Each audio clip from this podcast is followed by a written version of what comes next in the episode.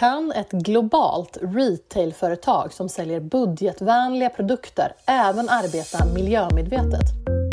Det låter onekligen som en utmaning. Breakit och leveransföretaget Bring pratar i säsongens sista avsnitt av Shop or Stop, en podd om framtidens shopping med giganten IKEA. Vi är, vi är ett stort företag, vi har mycket resurser så att vi har inte dratt ner på våra hållbarhetsambitioner. Vi har till och med kunnat hålla det tempot och till och med öka tempot på den här ambitiösa strategin som vi har. Så det är en förmån som just vi har för att vi är så stora och kunna fortsätta den här resan. Då. Jonas Kalehed är hållbarhetschef på IKEA som just nu satsar starkt på olika typer av hållbara lösningar och vi är nyfikna på vad de faktiskt gör och hur det passar ihop med att sälja så mycket nyproducerade produkter världen över. Välkommen till Shop or Stop, en podd om framtidens shopping som Breakit gör tillsammans med leveransföretaget Bring. Jag heter Karin Rorade och i den här poddserien försöker vi reda ut varför vi shoppar som vi gör och om vi kanske kan shoppa på ett sundare och mer klimatsmart sätt. Allt fler konsumenter vill bidra till miljön genom att handla mer hållbart. Det och mycket mer kan man läsa i e-handelsrapporten Från attityd till handling från Bring. Gäst i det här poddavsnittet är Jonas Kalehed, hållbarhetschef på IKEA. Välkommen till Shop or Stop, Jonas Kalehed, hållbarhetschef på IKEA Sverige. Tusen tack, jättekul att vara här idag. Eh, hållbarhetschef på IKEA Sverige, vad innebär det? Ja, det är ju en fantastisk eh, roll. Jag skulle säga, jag har ju varit eh, i denna rollen nu i, i sex år och varit på IKEA i, i över 20 år. Vi är 8000 medarbetare på IKEA Sverige. Och, och, och, i vardagen så, så är det ju vårt uppdrag då att uh, ha en positiv påverkan på människor och miljö. Och, och verktyget vi har är en, en strategi för IKEA som heter People on Planet Positive, så att vi jobbar med den. Du säger att ni har en strategi. Ehm, kan du vara lite mer specifik då? Vad inom, om vi fokuserar på ekologisk hållbarhet, ehm, när det gäller miljön då, eh, skulle du kunna berätta att ni fokuserar på just nu? Ja, vi har eh, alltså ett oerhört tempo här nu som ju de allra flesta i samhället har här för att vi ska fixa den här omställningen på ett bra sätt eh, med tanke på de utmaningarna vi har. Så att det vi gör nu det är ju verkligen öka tempot på alla de här ambitiösa målen som vi har i, i vår hållbarhetsstrategi. Så att vi, vi, vi ska ju till 2030 så ska vi bli klimatpositiva. Vi ska bli cirkulära och vi ska då bli rättvisa och, och jämlika IKEA. Så att det spänner ju över liksom alla de här områdena, liksom både människor och miljö.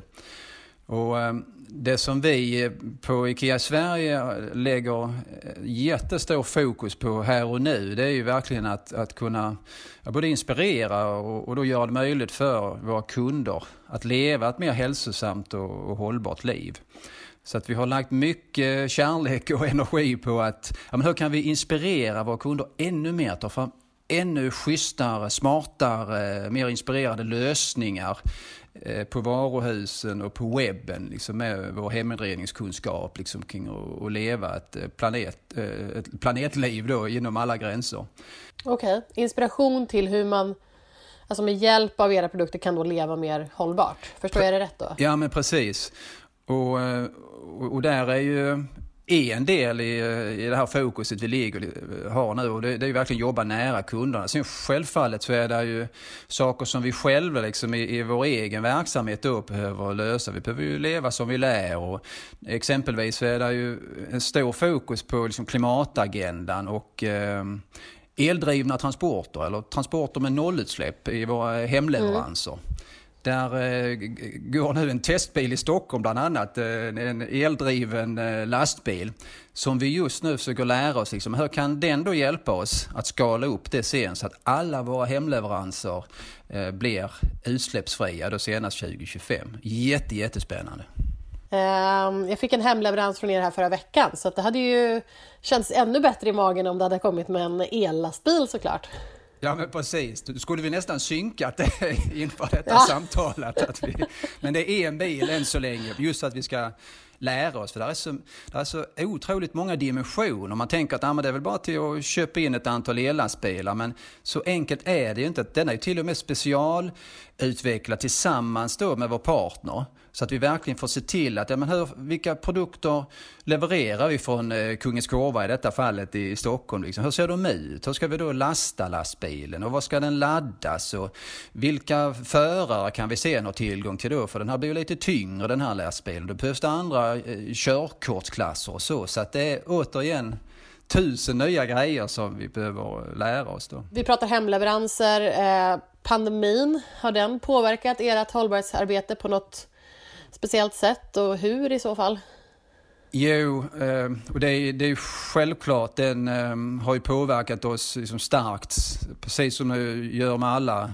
Och vi har ju lagt väldigt, väldigt stor fokus ju självklart då att, att säkra ja, trygghet, eh, säkerhet för både våra, oss själva som medarbetare, våra kunder och också försökt stötta våra partners, olika leverantörer. Och, ja, ytterst det handlar det om liksom, ja, rädda hälsa, rädda liv eh, och också rädda jobben. Ju. Så att det är klart en mm. enorm mm. kraftsamling för det då. Och sen så har vi ju förmånen att vi är, vi är ett stort företag, vi har mycket resurser så att vi har inte dratt ner på våra hållbarhetsambitioner. Vi har till och med kunnat liksom, hålla det tempot och till och med öka tempot på den här ambitiösa strategin som vi har. Så det är en förmån som just vi har för att vi är så stora och kunna fortsätta den här resan. Då. Det låter ju väldigt lovande. Allt det vi har lärt oss nu och lär oss fortfarande med tanke på den kraftsamling som, som sker här i samhället nu, den, den tar vi ju med oss eftersom vi vet att när vi väl nu kommer ur eh, pandemin och ska bygga upp våra samhällen igen, ja då måste vi göra det. Vi vill göra det. Vi behöver göra det på det här gröna sättet, på ett hållbart sätt. Så att vi är mm. optimister nu att det finns lösningar och, och, möjligheter och människor som vill göra den här eh, gröna omställningen. Så att kan vi göra det nu tillsammans med våra partners och andra i samhället så eh, så kan vi tackla de utmaningarna också. Just när det gäller er bransch, så med, med heminredning och så, så har vi tidigare i podden pratat om att det kan finnas en viss eh, klimatelitism. Eh, man kan känna att eh, kanske media eller eh, influencers eller personer som pratar mycket inredning eh, kan uppmaningen att köpa produkter som ska vara väldigt fina material eller lite dyrare produkter som man tänker att det här kan gå i arv och det här är designklassiker och så vidare. Eh, men alla har ju liksom inte en budget att handla på det sättet. Och där kommer ju en aktör som ni in i bilden som ändå har en, en, en ett, liksom ett annat budgetspann på era produkter. Men då blir ju frågan, går det att vara både hållbar och jobba miljömedvetet och samtidigt kunna erbjuda liksom ekonomiskt mer fördelaktiga produkter. Ja, det är ju vår eh, fulla övertygelse att eh, mm. det går ju. Vi mm. tänker för att just få till den här omställningen som vi behöver nu i våra samhällen så, så behöver vi nå ut till de många människorna. Ingen får ju lämna sig utanför för att vi ska klara omställning. Och där så kommer just det låga priset också in som en, eh, som en otroligt eh, viktig del. Och sen får ju aldrig det vara på bekostnad då av andra delar. Det får inte vara till vilket pris som helst. Så att det viktiga för oss är ju då att, att dessutom alltid säkra att det ska vara en schysst eh, funktion på stolen. Den ska kunna gå att sitta på på ett väldigt ergonomiskt sätt. Och, vi behöver ha en schysst form på den, den ska vara vacker att titta på. Vi ska lösa kvaliteten och testa den i alla möjliga eh, sammanhang. Och sen ska den då vara tillverkad på ett eh, mer hållbart sätt också. Och det är när man får ihop mm. alla de här delarna som vi når, det här konceptet som vi har som vi kallar för demokratisk design. Att mm. vi ska checka alla de här grejerna och då så kan vi leva upp till vår vision då och nå de många demokratisk design. Man gillar ju verkligen det. Ja, den ger mycket kraft till oss själva i alla fall. Att eh, just när vi tar fram alla produkter, liksom, den ska checka av alla de här parametrarna, det är fem stycken då. Liksom, och då kan vi vara stolta över det vi åstadkommit. Och många gånger är det ju faktiskt det låga priset som är det svåraste att få till då. För att du måste hela tiden checka de, de andra delarna också. Men där har vi en styrka för att vi är så stora och vi har tillgång både till designers och ända ner till leverantörer, liksom, att vi kan jobba med den här stordriftsfördelen ofta när man pratar om eh, klimatmål och miljömedvetenhet och så när det gäller retail så återkommer man ju ofta till att det är ofta just i produktionen som du säger som där det är ändå mest utsläpp och sådär. Eh, ni producerar ju ändå väldigt mycket nytt fortfarande. Hur, liksom, hur går det ihop då med, med att produktionen ofta är den boven i, i liksom sammanhanget? Vi är fullt medvetna att vi, vi är en del av konsumtionssamhället till att börja med. Det är så viktigt att inse det också då. då är vi en del av alla de utmaningarna som vi som ser här nu. Och, och, sen så inser vi samtidigt då, eftersom vi är ju så stora, så är vi ju en del av lösningen och en extra stor mm. del av lösningen eftersom vi har de resurserna vi har då. Och det är just därför vi har eh, den här ambitiösa hållbarhetsstrategin där eh, vi ska bli klimatpositiva och cirkulära och rättvisa och jämlika. Och eh, tror en viktig insikt är ju också att alltså bara för att man är liksom stor och når de många människorna som vi har förmånen att göra så betyder inte det automatiskt att man då står för masskonsumtion utifrån den, den negativa betydelsen utan vi, vi ser ju enorma fördelar och styrkor eh, eftersom vi kan nå de här volymerna vi har, då når de många människorna i massproduktion. Så vi ser ju att där är liksom många, många styrkor i det som vi tycker vi, vi behöver prata mer om att det är det då. Och, mm. Men självklart behöver det vara inom planetens gränser så det måste gå hand i hand med de här ambitiösa eh, hållbarhetsmålen.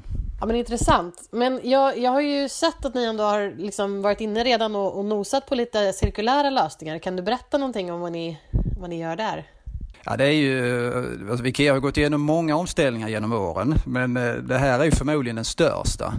Eftersom mm. det påverkar liksom hela vårt sätt att jobba. Det är från det att eh, designern sätter liksom pennan mot pappret tills att eh, då leverantören eh, tillverkar och sen eh, end of life hos produkten då när det väl når så pass långt, många, många, många år senare då förhoppningsvis. Eh, så att vi har ju satt eh, väldigt strategiska och ambitiösa mål vi ska designa alla produkter för ett cirkulärt liv, så det är det första ju. allting börjar där, för där sätter man ju 80 procent av eh, liksom klimatfotavtrycket och miljöfotavtrycket. Det andra är att då ska vi bara använda förnybara eller eh, återvunna material. Och sen i det tredje målet så är det just det här nu att eh, hjälpa våra kunder att förlänga livet på sina produkter. Det är där second hand och uthyrning och det här riktigt, riktigt spännande kommer in. Så att ta fram de här nya affärsmodellerna. Och sen som det fjärde målet, eftersom vi är återigen så stora så har vi sagt då ska vi ta lead. Vi ska eh, i kraft av det driva utvecklingen men alltid då samarbeta med andra eftersom vi, vi fixar inte det här själva utan det är samarbete det ligger. Det låter ju väldigt, väldigt spännande måste jag säga. Jag hade ju en fråga här om vad du är mest stolt över eller pepp peppad på inom ert hållbarhetsarbete just nu och det låter ju på din röst som att det kanske är det här. En av de eh, fantastiska grejerna som ger så mycket energi eftersom det är, alltså det är inte både eh, liksom en omställning av en affärsmodell utan det är en omställning av eh, liksom samhällena, vårt sätt att leva, vårt sätt att förhålla oss till planeten, till oss själva, till naturen, till djur. Eh, den är ju direkt kopplad liksom också till pandemin. Liksom. Varför uppstår pandemier? Jo, det är just som ett skäl till att vi, vi inte har förhållit oss till planeten på det här mer cirkulära sättet. Då. Det, låter ju, det låter ju fantastiskt, men jag, jag funderar bara på, det är ju väldigt många företag just nu som just låter ganska eh, bra när det gäller klimat och hållbarhet. Eh, och som konsument kan det ju vara svårt att liksom eh, verkligen liksom hitta hitta i den här djungeln av eh, klimatinitiativ och eh, gröna löften och sådär. Hur tänker ni där kring er liksom, kommunikation? Hur ska kunderna liksom, förstå och veta att det här är, är viktigt för IKEA nu och det är någonting ni faktiskt gör på riktigt? Ja, det är en väldigt, väldigt eh, relevant eh, fråga. Och, eh, vi tänker ju att det, det, absolut viktigaste vi kan göra, det är förutom att verkligen vara öppna och tydliga med att vi har väldigt ambitiösa mål, i vårt fall då till 2030 att vi ska bli klimatpositiva och cirkulära och rättvisa och jämlika. Och att vi sätter de målen, om man nu är kopplade till klimatet och cirkulariteten, i linje med vetenskapens 1,5 graders mål. Sen nästa steg är ju självklart att göra saker i vardagen, i praktiken och kopplar vi det till eh, exempelvis vår cirkulära agenda nu så har vi ju flera väldigt konkreta tester. För det, ingenting finns riktigt färdigpaketerat här. Även om man har ambitiösa mål så behöver vi alla testa och, och lära oss här nu, vad ska vi göra? Exempelvis då så har vi på IKEA Sverige nu eh, precis öppnat världens första IKEA second hand-butik. Just eh, i, på Retuna, återbruksgalleria i Eskilstuna.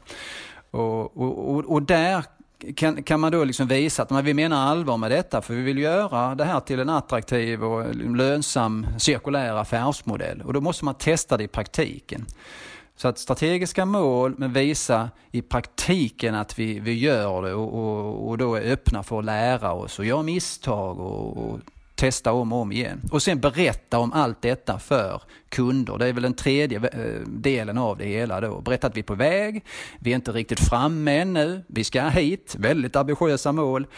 Det här har vi lärt oss hittills. Så det är väl en liten mix av hur vi tänker att vi behöver bli ännu bättre på att uh, ta ut den mixen. Ja men för jag tänker att mål och så, det är ju liksom, men det kanske ändå är någonting som man måste läsa sig till eller liksom faktiskt söka upp så.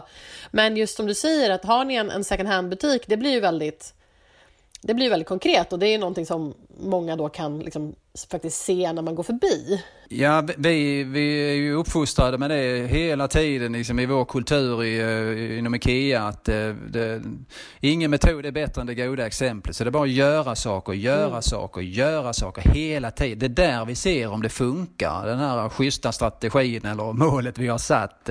Bägge behövs men det är i vardagen som det sker sen då. Ja, ja men eh, spännande. Eh, man blir ju sugen på att besöka den här second hand-butiken nu.